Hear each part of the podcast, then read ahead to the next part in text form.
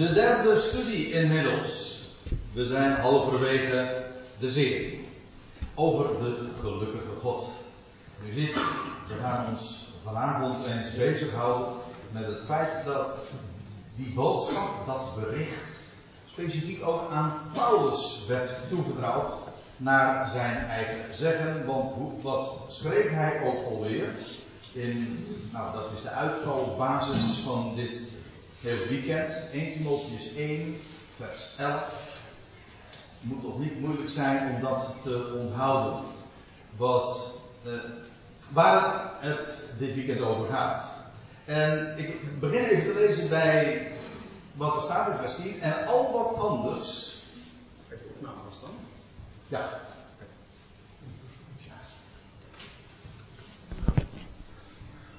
Oh. De opname staat wel aan, maar mijn microfoontje had ik niet op. Goed dat je daar even op wijst. eh. Ja, ja, ja, ja. Nou, dat is voor degene die het eh, beluisteren via het internet, is dat wel zo handig, ja. Hoewel de geluidsweergave hier erg mooi is, moet ik zeggen. Maar goed. Waar hadden we het over? Oh ja, 1 Timotheus 1. Dat is het. Ehm, en dan begin ik even te lezen, midden in de zin. En al wat anders, al het andere waar we het vanmorgen over gehad hebben, eh, de gezonde leer tegenstaat. En de gezonde leer die in overeenstemming is met het evangelie of het goede bericht van de heerlijkheid. En wel van de gelukkige God waarvan Paulus zegt dat mij werd toevertrouwd. Nou, gisteren hebben we het gehad over het goede bericht van de heerlijkheid. Vooral ook in verband met Christus als het icoon van God. Vanmorgen hebben we het gehad over de gezonde leer. Hoezo gezonde leer? En hoezo is die gezonde leer in overeenstemming met dat bericht, dat goede bericht van de heerlijkheid van de gelukkige God? Dat was het onderwerp van vanavond, eh, van vanmorgen. En nu, vanavond gaan we het hebben over het feit dat, dat dit goede bericht van de heerlijkheid, van de gelukkige God, dat wil zeggen de God die realiseert dat wat hij voornemens is, dat wat hij ook daadwerkelijk uh, gaat volbrengen en daarom ook gelukkig is, dat bericht is, werd, zegt Paulus, aan mij toevertrouwd. Hij wijst daar heel vaak op in zijn brieven aan dat wat aan hem is bekendgemaakt. Niet alleen maar over het feit dat hij specifiek als laatste trouwens van alle apostelen geroepen werd op de weg naar Damascus. Maar ook hoe hem vervolgens ook het evangelie is geleerd. Ik geloof dat ik er gisteravond nog eventjes even aan ook gerefereerd heb. Zoals hij dat in de gelaten brief ook zegt. En we zullen dat ook vanavond weer gaan zien. En waartoe werd hij dan ook gesteld? Namelijk om, om, wat, na, om wat dan naar voren te brengen. Eigenlijk hebben we dat uh, nu al een aantal keren toch ook uh, bezien.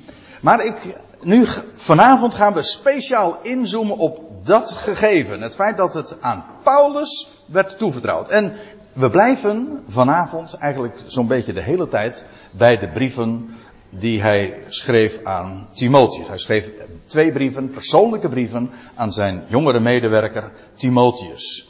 En we gaan, en we blijven zelfs in dezelfde brief. In 1 Timotheus 2. Daar gaan we naartoe. We lazen dus uit 1 Timotheus 1 en nu skippen we een aantal versen. En dan begin ik even voor het verband, voordat ik uh, uiteindelijk in vers 6 en 7 arriveer. Zeg ik het goed? Nou, meer speciaal in vers 7 arriveer. Want dan maakt Paulus inderdaad dat speciale punt over het feit dat het aan hem werd toevertrouwd en wat hij dan ook daarmee zou doen. Maar eerst beginnen we maar gewoon bij dan vers 1 te lezen. Hij dan zegt, ik roep dan op, schrijft hij dus aan Timotheus, eerste van alles te doen smeekbeden, gebeden, voorbeden, dankzeggingen ook, ten behoeve van alle mensen. Hoezo alle mensen? Wel, dat gaat hij straks ook verklaren. Maar ook waarom dat gebed ook met hen zou zijn en eh, zonder uitzondering. Dat wil zeggen, eh, zonder enig onderscheid daarin te maken. En dan zegt hij trouwens, dat, maar dat is vers 2, wat hij dan als eerste noemt is ten opzichte, ten behoeve van koningen ook en allen die in superioriteit zijn. Of die in, hoe zegt dat, de MBG-vertaling, de alle hooggeplaatsten.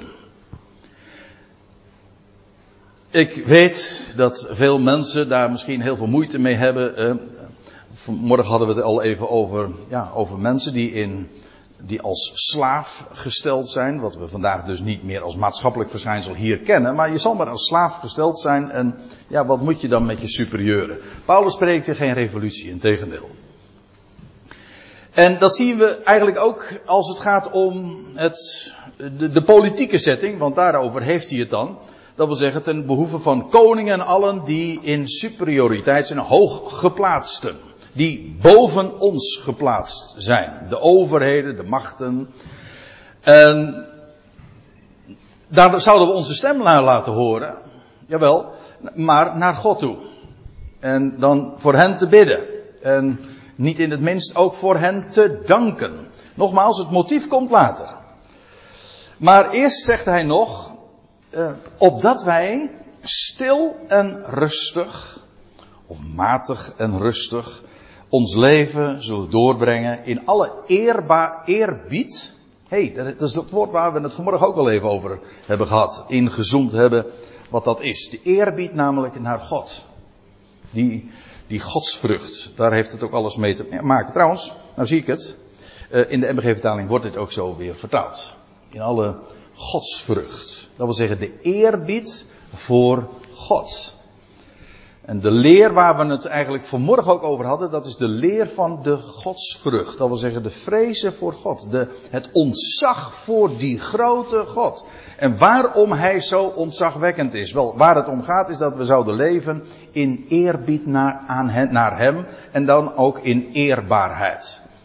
Dat wil zeggen op een eerbare wijze dat hoort ook bij, ja, dat past bij die, ja, bij die eerbied. Maar dan ook even trouwens dit. Stil en rustig. Dat wil zeggen, uh, schikkend. Zich schikkend in de situatie waarin we geplaatst zijn en de overheden, de koningen. Niet rebellerend. Niet je stem naar hen toe verheffen. Voor zover we onze stem al verheffen, uh, dan is het ten behoeve van hen, namelijk naar God toe. Maar wij in dit leven zouden gewoon, als het gaat om het uh, politieke, maatschappelijke leven, ons schikken, rustig. Uh, en ook degenen erkennen die God boven ons geplaatst heeft. Dat, uh, ik moet zeggen, ik vind dat trouwens ook wel een goede tijding. Dat we ons daar dus ook helemaal niet druk over hoeven te maken. We mogen voor de mensen die uh, over ons regeren, mogen we, daar kunnen we voor bidden, daar kunnen we voor danken. We kunnen ook echt, ik, we zijn zo enorm bevoorrecht dat we in een vrij land mogen leven, waar we ook zulke samenkomsten kunnen houden. En uh, ik weet, het is een, een mode in Nederland om altijd maar te, ja, hoe zal ik het dan nou eens netjes zeggen, te mopperen, te zeuren over, over wat er gaande is en dat de overheden het allemaal zo slecht doen. Nou, ik denk wel eens, Kijk eens even over de grens. Er zijn, er zijn weinig landen waar het zo goed toeven is als hier. En er zijn, er zijn zoveel redenen om God daar ook inderdaad voor te danken. Reden te meer inderdaad om stil en rustig. In dankbaarheid dus ook uh, ons leven door te brengen in alle eerbied en eerbaarheid. Maar dat is niet, eigenlijk niet het onderwerp. Het is alleen maar nog even de inleiding, want het gaat er nou om hoe Paulus dit vervolgens motiveert. Want we moeten wel natuurlijk naar ons onderwerp. Hij zegt dan dit. Dit is voortreffelijk. Of dit is ideaal. Of dit is mooi. Goed. Ja, in de goed in de kwalitatieve zin van het woord. Dat is eigenlijk de betekenis van dit woord wat hij hier gebruikt. Voortreffelijk. Dit is voortreffelijk en welkom. En of MBG-vertaling zegt aangenaam. Maar de gedachte blijft natuurlijk dezelfde. Voor wie? Wel voor God. Onze redder. Aha. Daar hebben we hem weer. Want waar hadden we het vanmorgen over? Over de, de gezonde leer. En wat was die leer? Dat was de leer van God. Onze redder. Hoezo? Wel, zegt, staat er dan bij, de leer van God onze redder versieren in alles. Want de genade van God is verschenen. Of verschijnt. Tijdloos. Gewoon het feit wordt gesteld. De genade van God verschijnt. Redding voor alle mensen. Dat was het. Dat was die leer. En hier zegt uh, Paulus dat weer. Uh, dit is voortreffelijk en welkom voor God, onze redder. Hij, dus hij, eerst zag hij, zei hij te bidden en te danken voor alle mensen. En dat is goed en voortreffelijk en welkom voor God, onze redder. En dan zegt hij, die wil, onze redder, die wil dat alle mensen gered worden. En tot besef van waarheid komen. Wat wil God? En waar, hoezo bidden voor alle mensen? En hoezo danken voor alle mensen? Wel, God is onze redder. En dat is iets wat we gemeenschappelijk hebben met alle mensen. Alle mensen kunnen zeggen, God is onze redder. Hoezo, hoezo is God onze redder? Trouwens, vanmorgen hebben we ook, dat was het laatste deel van de samenkomst. Uh, toen hebben we eigenlijk al uh, voor de, uh, achterin de brief gelezen, 1 Timotheus 4, waar inderdaad ook staat dat God ons de redder is van alle mensen. Dus als hier staat God onze redder, dan gaat het inderdaad over de redder van alle mensen. Waarom? Wel, God wil dat alle mensen gered worden. Dat zou het einde van alle tegenspraak ook moeten zijn. Ik weet dat mensen het ja, meestal omgekeerd gebruiken. In de christelijke traditie is het populair om te zeggen, ja, God wil dat wel. Maar, je zou, klinkt nog net niet als van, ja, God kan zoveel willen. Hè? Maar dat scheelt niet veel. De, maar goed, er zijn eigenlijk twee, uh, dat is wel leuk, eventjes tussendoor. Er zijn eigenlijk twee standaard reacties op dit uh, gegeven. Uh, ik, heb, ik ben zelf reformatorisch groot geworden en, als, en dan, je hebt de kanttekeningen van de Statenvertaling. En dat is heel leuk als je dat, nou leuk, in ieder geval opmerkelijk als je dan 1 Timotheus 2 vers 4 daarbij raadpleegt. Want wat zeggen de kanttekenaars van de Statenvertaling dan? Uh, God wil dat alle mensen gered worden. Dat is niet alle mensen, maar dat zijn allerlei mensen. Alle soorten van mensen. Want, zegt, zeggen de kanttekeningen, kijk het maar nou hoor, dat verzin ik niet. Ik kan het niet woordelijk zo reproduceren, maar woorden van deze strekking vind je daar. Want, uh, hoe verdedigen zij dat? Want als God zou willen, zeggen de kanttekenaren, als God zou willen dat alle mensen gered worden, ja, dan, dan worden alle mensen ook gered. God is immers soeverein. Als hij dat wil, dan gebeurt dat. En ik denk, amen. Maar zij zeggen dan, ja, maar dat, dan, als dat zo is, dan kan alle niet werkelijk alle zijn. Dan moeten we dat uh, gaan, uh, de tekst uh, gaan, ja, een aanslag opleggen, zeg ik dan. Of in ieder geval gaan, in betekenis gaan reduceren. Reductie plegen op de tekst. Dan heb je ook een hele andere groep, dat zijn de Arminianen. Dat is eigenlijk wat tegenwoordig uh, verreweg de meeste christenen in ons land, de protestantse christenen in ons land zijn. Ook degenen die van Calvinistische huizen zijn. Dat zijn feitelijk Arminianen. Want die zeggen, ja, God wil wel dat alle mensen gered worden. Maar, uh, ja, daar is daar ook nog de mens. De mens moet ook willen. God wil dat wel. Dus uh, aan hem ligt het niet. Maar als de mens het niet wil, en dan komt de leer van de vrije wil om de hoek. Ja, de mens heeft een keuze en uiteindelijk is dat alles bepalend. En dat is heel sneu. Voor God. Bedoel ik. Ja, als dat namelijk zo is, dan is God afhankelijk van de mens. En van zijn eigen schepselen. Bizarre gedachte, maar goed. Uh, Oké, we gaan even ermee. Maar uh, dat betekent dan ook dat dus God nooit een gelukkig God kan zijn. Dat wil zeggen, hij, als hij nou wil dat alle mensen gered worden en niet alle mensen worden gered, dan is hij dus ongelukkig. Geliefde schepsel die hij, waar, die hij het beste toewenst, maar hij kan dat niet realiseren. Nou, dan is hij dus, ja, sneu, dat is zielig. Heb je geen goed bericht. Dat is niet het goede bericht van de gelukkige God. Nee, het, het verhaal is gewoon, God wil, God is onze redder. En waarom is Hij onze redder? Wel, Hij, Hij wil dat alle mensen gered worden. Dat is het. En staat erbij, tot besef van waarheid komen. Welke waarheid? Nou, uh, de meest eenvoudige oplossing lijkt, of de meest eenvoudige antwoord op deze vraag is, gewoon wat hier in dit vers staat. Namelijk dat God wil dat alle mensen gered worden. God wil dat alle mensen gered worden. En alle mensen zouden dat beseffen. En ik zal u straks ook laten zien dat Paulus daarvoor een heraut was. Dat was de boodschap die hij vervolgens wereldkundig ging maken. Alle mensen moeten weten, er is een God. Ik ga straks nog wat anders zeggen. Nou ja, eh, wat preciezer zeggen. Er is een God en God wil dat alle mensen gered worden en elk mens moet dat weten, want dit is de waarheid. Vergis je niet. Want, staat er dan, er is één God. Ik zei net, dat is uh, waarom ik het nu even wat preciezer zeg. Want ik, ik zei zojuist, ja, er is een God. Ja, dat is een onbepaald lidwoord. Hè? Een God. Maar het is niet alleen maar uh, een God. Er is één God. Dat is een bepaald telwoord. Eén God. En dat, want er is één God, dat klinkt zo majestueus. En dat brengt ons meteen trouwens ook weer direct, iedere keer weer op linksom, rechtsom, bij de waarheid en het grote thema van dit weekend, namelijk de gelukkige God. Er is één God. Dat is trouwens, dat is ook logisch. Want als je namelijk meer goden zou hebben, dan zou God geen God meer zijn. Ik zeg wel eens een keer, er is of één God, er is of er is geen God. Want stel je voor dat er twee goden, als een kenmerk van God is dat hij almachtig is. Maar stel je voor dat er twee almachtig zijn. Dan zou de tweede God ongedaan kunnen maken wat de eerste God wil. Maar dan is hij niet meer almachtig.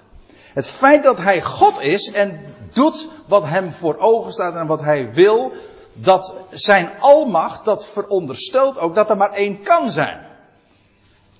Hij is God. Eh, want er is één God. Eigenlijk is dit de meest basale bijbelse waarheid. Dat verzin ik niet.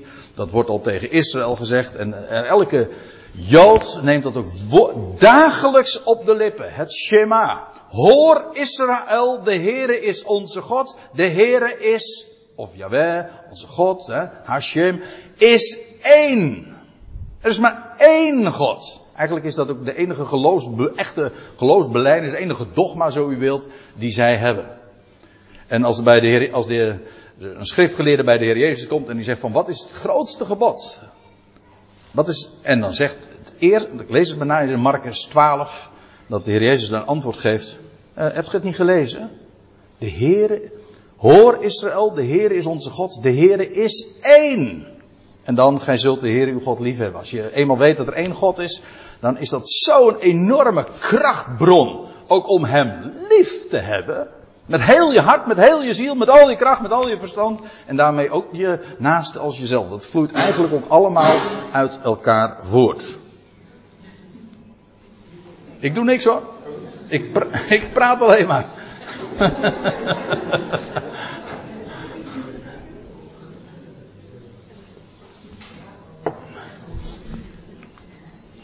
er is één God. En dat woordje God, dat, ja, dat is theos. En dat is eigenlijk afgeleid nog weer van een werkwoord in het Grieks. En dat betekent stellen. Hè? Of plaatsen. God is eigenlijk, als je het, uh, als je het woord echt neemt in de, in de betekenis zoals het zich in het Grieks ook aandient. Theos. Hè? Theologie. Hè? Nou, wie, wie of wat is God? Laat ik het nou even antwoord, een ander antwoord geven. Wat betekent het woord God? Wel, degene die alles plaatst. Een plek geeft. Er is niets wat plaatsvindt zonder dat hij het een plaats geeft. Geweldige gedachte. Ja, alles. Hij, waarom gebeuren dingen? Waarom vindt het plaats? Hij geeft het een plek. Er is één God. En, er is en omdat er maar één God is, geeft hij ook alles een plek. En als er maar één God is, en die ene God wil dat alle mensen gered worden, nou dan gebeurt dat. Want er kan niets hem daarvan weerhouden. Ja, tenzij je, zoals in feite het Arminianisme uh, de consequentie daarvan is, Arminianisme, dat wil zeggen de, de leer dat de mens een vrije wil heeft. Dat komt er eigenlijk op neer dat we in een gigantisch pantheon, pantheon terechtkomen, dat wil zeggen een veelgodendom, want eigenlijk is de hele mensheid één, uh, één grote verzameling van allemaal goden. Die, uh, die de wil van God kunnen dwarsbomen. God wil dat alle mensen gered worden. Als de mens het niet wil, dan gebeurt het niet, punt. Nou, dan ben je feitelijk dus als mens met een vrije wil in staat God te dwarsbomen. Maar dan heb je niet meer één God. zie je, zie je hoe, hoe problematisch dat is? Nee, de waarheid is, en God wil dat alle mensen gered worden. En tot besef, tot niet alleen de erkenning, maar tot besef, epignosis, hè, dat was het woord. Tot besef, eh, erkentenis, maar vooral ook het, eh, het realiseren van waarheid. Deze geweldige waarheid van wie God is. Want er is één God. En ja, er is geen waarheid die ook zo simpel is als deze. Er is één God. Iedere keer is het antwoord, ja, waarom? Het grote, uh, welke filosofische vraag je ook kan voorleggen, uiteindelijk kom je bij deze waarheid uit. Ja, mensen, er is één God. En omdat er maar één God is, en die alles beschikt, die een plan heeft, hij wil dat alle mensen gered worden, worden mensen ook alle mensen gered. Want waarom? Ja, hij wil dat. En zij wil al geschieden. Hij heeft het eerste woord, het laatste woord. Wat wil je? Hij is de beschikker. Geweldig. Hij, er is, want zegt Paulus, er is één God. En dat zou in feite antwoord moeten geven op die grote vraag van ja, God wil dat wel, maar gebeurt dat dan ook wel? Nou ja, natuurlijk, want er is maar één God. Dus het antwoord vind je eigenlijk al meteen in vers 5. Voor zover het je op een andere manier al zou ontgaan. Want er is één God. En, zegt hij, nog zoiets. Want er is één God en één middelaar van God en mensen. Een middelaar, dat is degene die tussen God en mensen in staat. Dat wil zeggen, God, daar hebben we het gisteren ook over gehad. Christus Jezus, de mens Christus Jezus, hij is Gods icoon. Hoe kennen wij God, de onzienlijke? Wel, doordat hij zich zichtbaar maakt, zich uitbeeldt in hem. God komt tot naar ons toe, in en door en via hem. Omgekeerd trouwens ook, want de mensheid komt tot God via hem. Er is een, geen andere weg. Dus hij is met recht de middelaar. Zo uniek als God is, zo uniek is ook de middelaar. De, de, Christus Jezus is niet de ene God. Nee. Ik weet het. Eh, er is heel veel theologie. Sterker nog, dat, daar, daar is ongeveer alle, daar zijn alle dogma's uh, van uitgegaan en mee begonnen. Hè, met Nicea en met leer van drie-eenheid. Waar geen mens een touw aan vast kan knopen. Dat, dat meen ik echt zo. En dat, uh, vraag het ook maar eens theologen van hoe dat dan zit. En dan zeggen ze allemaal dat is een mysterie. En dan vraag je van ja, maar waar staat het in de Bijbel? Dan zeggen ze nee, het staat niet in de Bijbel. Dat hebben we zelf geconcludeerd. Kortom, ze hebben zelf de mist opgedrokken. Terwijl de schrift volstrekt helder is, er is één God. Simpel. Eén God. En er is ook één middelaar. Het unieke van zijn positie en van zijn rol, als ik het zo mag zeggen, is dat hij als enige de middelaar is. Van God en mensen. En hij, wie is hij dan? De mens, Christus, Jezus. Dat is trouwens de typische benadering, zoals Paulus hem altijd noemt. U vindt hem een stuk of honderd keer in de, in de brieven en altijd van Paulus. Zoals Paulus hem ook kende, als Christus. De opgestane, de verheerlijkte. Degene die hier op aarde de mens Jezus was. Maar hij kende hem in de eerste plaats als de verheerlijkte, als de Christus. Vandaar ook die volgorde. En dan zegt hij er nog iets bij. Over die mens Christus Jezus, die, de, die ene middelaar is van God en mensen. En die, heeft, die zichzelf geeft, zichzelf gevende is, of zichzelf ooit gaf, kan ook, tot een losprijs ten behoeve van allen. Die ene middelaar, die God gegeven heeft, eh, of die, die daar is tussen God en mensen, wel, hij betaalde een prijs. Niet, hij betaalde niet een prijs om de schuld te betalen aan God. Ik weet dat is een heel, ook dat is een theologische gedachte, om de schuld te betalen aan God. Nee, de gedachte is niet dat hij, hij betaalde wel een prijs, maar dat was niet een schuld aan God, maar dat was de, om ons te verlossen. In feite, een losprijs betaal je niet aan degene die je verlost, maar aan degene van wie je verlost moet worden. Nee, die ga ik nu niet uitleggen, want dat zou te ver voeren. Maar uh, denk er maar eens over na dan. Een losprijs, maar het gaat mij nu vooral eventjes uh, niet zozeer om het feit dat hij uh, een prijs betaalt om ons te verlossen. De mensheid is gevangen hè, in de macht van de dood, van de zonde. En hij heeft de prijs betaald. Hij stierf. De, de, de dood, ja, de dood van het kruis. En voor wie betaalde hij die prijs? Nou, zegt Paulus, ten behoeve van allen. God wil dat alle mensen gered worden. En er is ook maar één God. Maar ook één middelaar. En die ene middelaar, die gaf zichzelf ten behoeve, of tot een losprijs, om allen te verlossen. Ten behoeve van wie? Nou, van allen. Ziet u ook de logica, iedere keer weer die nadruk op dat, dat universele. Er is één God, dat is uniek. Maar omdat hij één God is, is het ook universeel, alomvattend dat wat hij wil, maar ook wat hij realiseert, in dit geval ook middels de, middels de, de middelaar, Christus Jezus. Hij gaf zichzelf ten behoeve van allen. En alleen al die gedachte, dat er ooit in deze wereld een prijs betaald werd, en dat daar alle mensen gekocht en betaald werden. Ik moet er altijd denken aan waar ik mee groot geworden ben. Met, uh, nou ja, dat is misschien wat overdreven, maar ik hoorde dat altijd, zondag 1. Hè, wat is uw enige troost in leven en in sterven? En dan, was dan is het antwoord in de Heidelberger catechismus dat ik niet van mijzelf ben, ik zeg het nu even met mijn eigen woorden, maar dat ik het eigendom ben van Hem. Weet je wat nou het geweldige is? Die waarheid, dat ik het eigendom ben van Hem, dat geldt voor elk menskind. We zijn sowieso zijn creatie. We zijn, we zijn van hem. Maar elk mens is ook gekocht en betaald. Elk mensenkind. En God wil dat.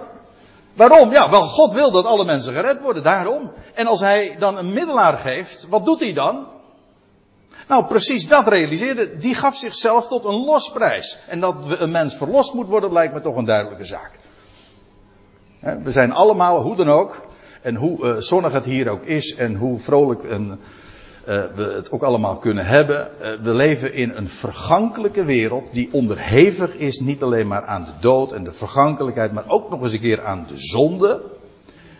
En daarvan wordt een mens verlost. Oké, ieder uh, op zijn tijd, maar niettemin, dat feit staat. Hij gaf zichzelf ten behoeve van allen. En dan staat erbij het getuigenis bij gelegenheden. Uh, dat in dit geval, als u het mij vraagt, ook gewoon betekent. Al, die allen zullen hiervan bij gelegenheid ook getuigen. Alle mensen zullen bij gelegenheid inderdaad getuigen van de losprijs die voor hen is betaald. En elke knie gaat buigen en elke tong zal beleiden. Jezus, Hij is Heer. Waarom? Hij betaalde de losprijs. Het getuigenis bij gelegenheden, daarin ligt ook al besloten, wel, het is succesvol werk. De middelaar, dat is die gelukkige man waar we het gisteravond over hadden.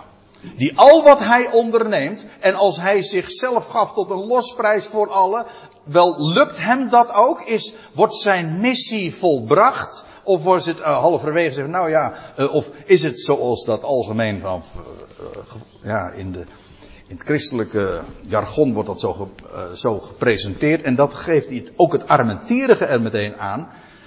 Namelijk van ja, God, ja, het is ooit fout gegaan en God probeert nog te redden wat er te redden valt. Maar dan, dat is niet de gelukkige God. Dat is niet de ene God. Op het, ik denk ook, daar zit een relatie. Het feit dat men al vroeg in de kerkgeschiedenis gemorreld heeft aan die fundamentele waarheid van de ene God, betekende ook dat men tegelijkertijd ging morrelen, om niet te zeggen tegenspreken, want dat is het eigenlijk, uh, aan die universaliteit van Gods wil. Namelijk dat alle mensen gered worden. En komen tot besef van die waarheid. Nou, en dan zegt Paulus, en nou, nou, zijn we eindelijk bij vers 7 aangekomen, want de vraag was, ja, dat, eh, dat goede bericht van de heerlijkheid van de gelukkige God, dat was aan Paulus toevertrouwd. Nou, dat, daarop zoomen we in. En nou zegt Paulus, nadat hij verteld heeft over die ene God, wat hij wil, en over die ene middelaar, wat hij gedaan heeft, namelijk zich, zichzelf geven tot losprijs voor allen. En nou zegt Paulus, waarin ik werd gesteld. Heb je weer dat woord, waarin ik werd geplaatst. Hier wordt eigenlijk het, het werkwoord gebruikt waar het woord God van afgeleid is. Namelijk plaatsen. Hij zegt, ik werd daarin neergezet. Waarin ik werd gesteld, en dan zegt hij heraut, of als een verkondiger, maar eigenlijk is het een heraut. Iemand die, ja, wat doet een heraut? Afkondigen, het nieuws bekendmaken.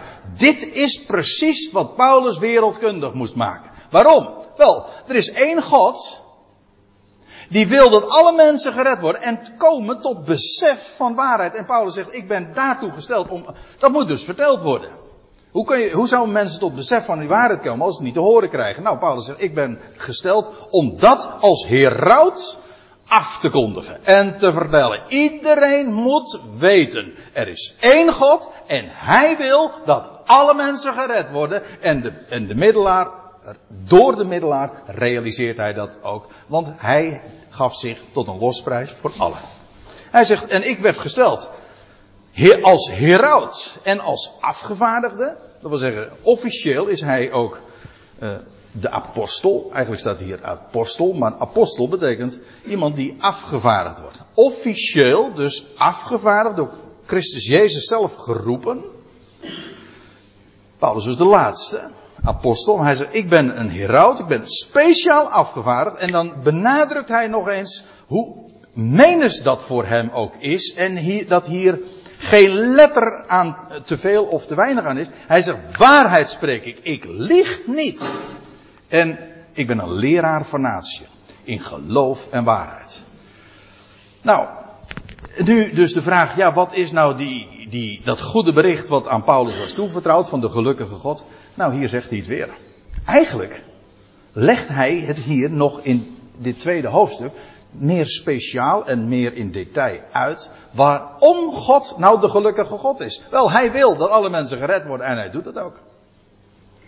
En Paulus zegt, ik ben gesteld om dat uit te bazuinen. Iedereen moet dat weten. Hij zegt, ik ben daartoe speciaal ook afgevaardigd en ik ben een leraar van natieën.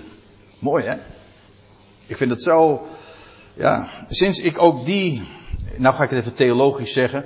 Ik, uh, ik zal dat uh, niet te vaak doen, uh, met theologisch formuleren, maar ik heb een hermeneutische sleutel. hermeneutiek, kent u dat woord? Nou, eventjes tussendoor, dan leert u ook nog eens een keertje op dat gebied wat. Maar hermeneutiek, dat is de, de leer van de uitlegkunde. Hoe leg je de Bijbel uit? En dat is een speciaal vak, en dat begrijp ik heel goed. Maar het mooie is, dat hoeven we niet te verzinnen, want de, eh, de schrift, die legt zichzelf uit. En hoe kunnen we de Bijbel verstaan? De, de mensen zeggen, ja, de Bijbel is een, een moeilijk boek. En dan zeg ik, ja, en uh, daar hebben we dus een leraar voor nodig. Wij mensen die niet uit het volk van Israël voortkomen, we zijn en mensen uit de natieën. God maakt vandaag ook een omweg en Israël staat tijdelijk terzijde. Maar nu gaat het naar de natieën toe. Maar ja, hoe, uh, hoe, hoe zit de vork aan de steel? Hoe verstaan we nou die Bijbel? Mensen vragen, ja, waar begin ik nou in die Bijbel? Zeg ik nou, gewoon, begin nou gewoon bij onze, onze schoolmeester, bij onze leraar. De leraar van natie. Hij zegt, ik ben daartoe gesteld om dat te zijn. Niet alleen maar om het te herauten, maar ook om het te onderwijzen. Wie te onderwijzen? De natie. Iedereen, gewoon uit de natie, die moeten weten. En Paulus zegt, ik mag de waarheid, die Israël trouwens weet, van de ene God, bedoel ik dan. Israël hoef je niet te vertellen dat er één God is. Dat weten ze maar al te goed. En van christenen zeggen de meeste joden, orthodoxe joden, ja eigenlijk zijn dat uh, polytheïsten. Verkapte. Verkapt meer godendom. En, ik, en trouwens dat zeggen moslims ook. Ze zeggen ja jullie zeggen wel de monotheïsten te zijn, maar in werkelijkheid hebben jullie meer goden. En dan zeggen nee nee nee nee nee. En dan denk je ja ja ja wel. Ja. En dan denk ik van, uh, de moslims hebben heel wat beter begrepen dat er één God is dan de christenen. Laat ik het dan zo zeggen. Zo. Heb ik dat ook eens gezegd. En Paulus is een leraar van natie. En ja, hoe, hoe zouden we de schrift kunnen verstaan? Nou, moet je bij hem wezen. En dat is de wijze waarop we ook geïntroduceerd worden in die enorme bibliotheek van 70 boeken. En die laten zich verstaan. Begin gewoon bij Paulus. Bij hem moet je wezen. Waarom? Wel, van Gods wegen gesteld tot leraar van natie. Hij zegt in geloof en waarheid. Nu neem ik u nog naar even een andere schriftplaats mee. En dat is 2 Timotheus 1. Daar zegt hij namelijk ook weer waartoe hij werd gesteld. En de boodschap die hem was toevertrouwd. U ziet, we zijn deze dagen heel erg met de, de persoonlijke brieven van Paulus bezig. De brief aan Timotheus, de brief aan, aan Titus ook. En ik neem u mee naar 2 Timotheus 1. En ik begin dan even te lezen in vers 8. Oh, dat zijn prachtige woorden. Dit is trouwens zijn laatste brief. Zijn, men noemt het ook wel Paulus' geestelijk testament. Hij schrijft dat aan Timotheus vlak voor zijn, zijn executie. Ook daarover schrijft hij in het uh, ene laatste hoofdstuk, het laatste hoofdstuk, dat zijn executie voor de deur staat. En ja, zoals het gaat, ik zou zeggen, de hele schrift is van grote waarde, maar je luistert toch altijd in het bijzonder altijd naar wat iemands laatste woorden zijn. Als je nog maar heel weinig tijd hebt, ja, dan ga je, wat, spreek je dan uit? Nou, datgene wat, wat je nog wil, gezegd wil hebben. Wat je speciaal benadrukt wil hebben. Nou, dan zegt Paulus dit tegen Timotheus. Schaam je dus niet voor het getuigenis van onze Heer, noch voor de gevangenen van hem. Ik dus, zegt hij. Want Paulus was die gevangene. Hij zegt, maar leid samen kwaad uh, in het goede bericht naar vermogen van God. Dat wil zeggen, God geeft je daarvoor ook de, uh, de kracht, het vermogen om inderdaad daarvoor te leiden. Want het, probleem is, en het heel goed, kijk, je zou zeggen, waar, om een goed bericht te vertellen is toch prachtig? Wat, wat, wat is er mooier dan te vertellen dan een, een blijde tijding? In de praktijk is het echter is echt strijd. Waarom? Het wordt bestreden. En Paulus wist er alles van, want hij zegt: Ik ben een gevangene. Waarom? Ja, hij, was, hij vertelde dat goede bericht. Maar dat wordt niet in dank afgenomen. Zoals de waarheid trouwens nooit in, in deze boze aion in dank wordt afgenomen. Het wordt onderdrukt. Dat is lot van de waarheid. Dat is trouwens een heel leuk woord. Uh, leuk is niet het juiste woord. Maar dit woord getuigenis. Dat is uh, waar ons woord martelaar van afgeleid is materion, maar ons woord martelaar betekent eigenlijk gewoon iemand die getuigt. En is heel uh, ja, geestig toch wel hoe dat dan werkt. Want dat woord martelaar betekent eigenlijk gewoon een getuige. Maar bij ons heeft het de betekenis van iemand die voor een getuigenis omgebracht wordt.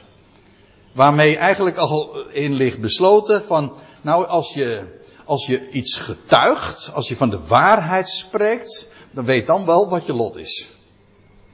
Als je het getuigenis uh, doorgeeft, dan, dan word je een martelaar. En Paulus was dat ook inderdaad. Eigenaardig hoe dat zo met woorden kan werken. Maar dat, dat is wat een martelaar eigenlijk, strikt genomen, is een getuige. Maar getuigen van de waarheid, daar moet je, ja, daar moet je de moed voor hebben. Ja, ik wil de andere woorden gebruiken, maar laten we netjes blijven. Hij zegt, schaam je niet voor het getuigenis van onze Heer, nog voor de gevangenen van hem, maar leidt samen kwaad in het goede bericht, naar vermogen van God, want hij geeft jou daarvoor ook de kracht. Hij geeft dat getuigenis, en reken maar van yes dat je ook inderdaad de kracht krijgt en dat wat je nodig hebt. Vanmorgen hadden we nog even een gesprek hier aan tafel van uh, mensen die, uh, ja, die hier wel van weten, maar daar liever niet over spreken, omdat ze anders brodeloos worden of omdat ze daar problemen van ondervinden of omdat ze, nou ja, dat soort dingen. Ik ken dat, ik ken al genoeg, uh, genoeg verhalen erover. Maar wat dacht u nou?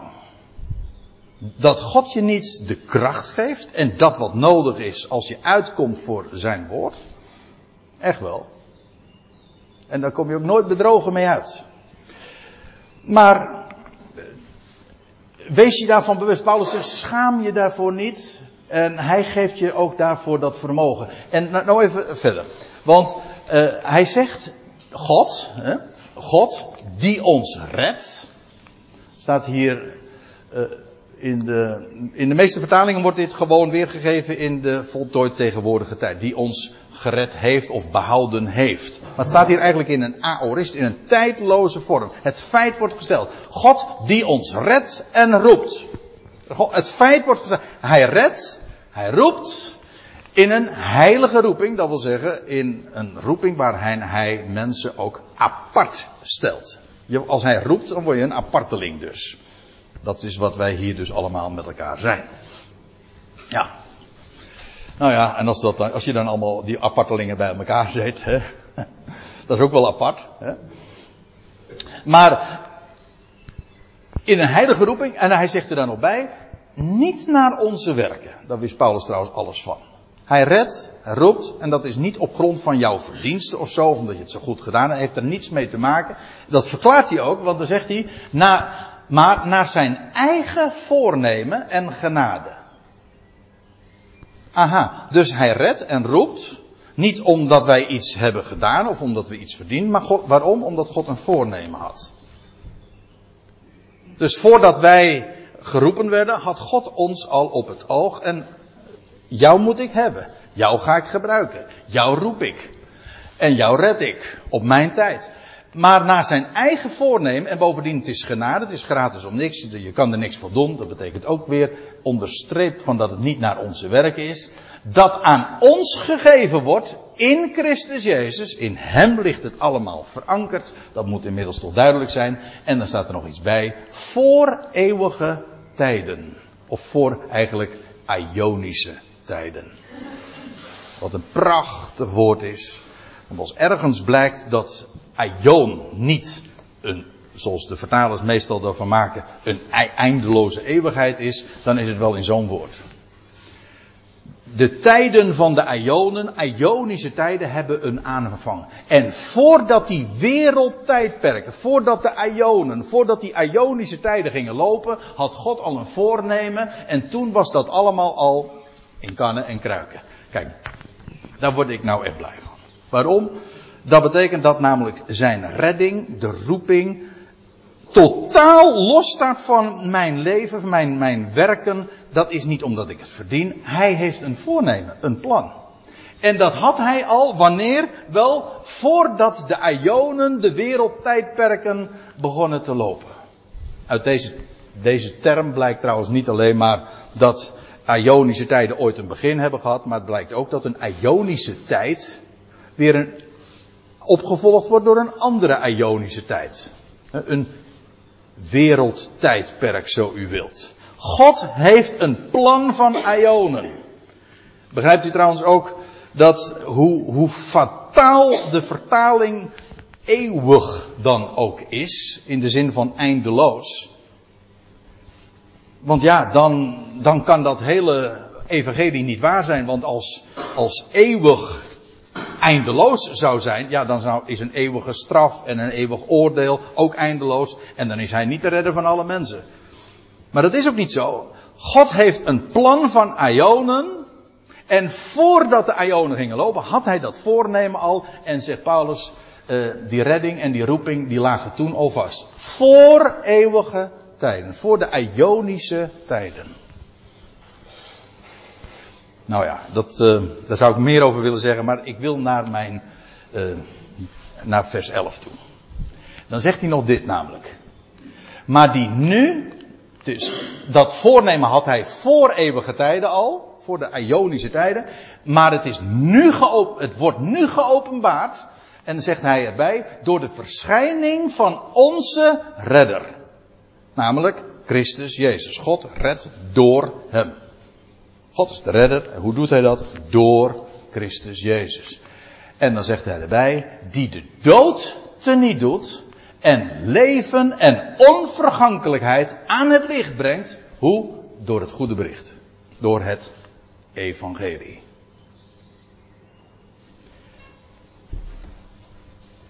Lees goed wat hier staat. Laat het eens goed op je inwerken. Deze machtige waarheid. Namelijk dat er dat van onze redder. En wat doet onze redder? Wel, hij doet de dood teniet.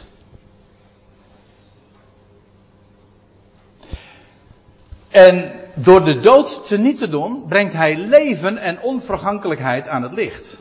Ja, als er geen, de, de weergave trouwens, dat zeg ik, moet ik er ook even bij zeggen. De weergave van dat dit al gebeurd zou zijn, die klopt niet. Paulus zegt ook in, 1, dat is 1 Korinthe 15, dat, dat Christus moet heersen. En dan zegt hij, ja, hij moet heersen totdat hij de, de dood als laatste vijand teniet zal doen. De dood is overwonnen, 2000 jaar geleden, toen hij als eersteling verrees. Maar de dood moet nog teniet gedaan worden. Zolang er nog één sterveling is, of zolang er nog iemand in de dood is, is de dood niet en niet gedaan. En wat doet God? Door zijn zoon, de eersteling, hij doet de dood teniet. Weet u hoe? Door alle mensen levend te maken. Het leven te geven wat hij 2000 jaar geleden aan het licht bracht. Onvergankelijkheid. Echt leven. Dat krijgen alle mensen. En als alle mensen levend gemaakt zijn, dan is er geen dood meer. Ook dit Beste mensen, het is zo simpel. Zo eenvoudig. Hij doet de dood teniet. En dat betekent trouwens nog iets, want het wil zeggen, het goede bericht, het evangelie, dat brengt aan het licht dat de dood er niet gedaan wordt. Ik zeg, ik durf er nog iets bij te zeggen. Als de dood niet teniet gedaan wordt, Oftewel, als niet alle mensen worden levend gemaakt, dan is dat dus geen evangelie. Het evangelie is nu juist evangelie omdat de dood teniet gedaan wordt. Vandaar ook dat ik er geen. Ja, eh, het is, het is vreselijk als dat zo verteld wordt vanaf de kansels. Dat men zegt van ja, eh, God wil jou wel redden. Maar als jij dat niet wil, dan, dan rest jou, uh, ik gebruik termen nu even die men dan daarvoor bezigt, dan eindig je in de nimmer eindigende dood. Of de eindeloze verdoemenis, of woorden van gelijke strekking. Laat ik u dit zeggen. Op het moment dat je een boodschap hoort, waarbij men spreekt over een, een nimmer eindigende dood, of de eeuwige dood in de zin dus van eindeloos, dan heb je niet te maken met het evangelie zoals Paulus dat vertelde. Waarom? Wel, het evangelie brengt namelijk aan het licht dat de dood teniet gedaan wordt. Oftewel, dat er leven en onvergankelijkheid aan het licht gebracht wordt. Het een is negatief, als de dood er niet gedaan wordt, dan blijft er alleen maar leven over. Dat is het evangelie. Zo scherp is het, zo machtig is het ook. En wat zegt Paulus dan? En nou zijn we in 2 Timotheus. Ons uitvalsbasis is 1 Timotheus 1 vers 11, maar nu zijn we in 2, 2 Timotheus 1 vers 11. En Paulus zegt ook hier weer, waartoe ik werd geplaatst als heraut en afgevaardigde en leraar van natie. Dit heb ik te vertellen. Eén God, één middelaar. Alle mensen moeten gered worden. Hij is een redder van alle mensen. En Christus Jezus, wie is hij? Dat is degene die de dood teniet doet. Oké, het is de laatste vijand. Duurt nog even voordat de dood er niet gedaan wordt. Oh, er gaan nog aionen volgen voordat de dood uiteindelijk er niet gedaan wordt. En God alles in alles zal worden. Maar het feit staat er. Dat is het evangelie. En Paulus zegt, ja, en dat, uh, het goede bericht, het, de blijde tijding, het evangelie. Hij zegt, waartoe ik werd geplaatst. Deze boodschap. Dat heb ik te melden. Ik heb ook niks anders. En feitelijk is het een soort van, uh, zoals dat in het bedrijfsleven genoemd wordt, een mission statement. Dit is wat ik te vertellen. Gewoon uh, eventjes in een, uh, hoe noemen ze dat dan, een elevator pitch. Hè? gewoon even in, een paar, in paar zinnen. Wat heb je nou te melden? Nou, er één God is, één middelaar. Hij is gelukkig. Je kunt het op allerlei manieren vertellen. Maar iedere keer is de clue, de, de boodschap, dat hij gelukkig is en inderdaad dat tot stand brengt. En dat is wat precies dit bericht zo eindeloos goed maakt. Daartoe werd Paulus gesteld, daartoe is hij afgevaardigd en dat onderwees hij aan de natie. En mensen zouden komen tot besef van de waarheid. Dat is wat God wil. Geweldig toch?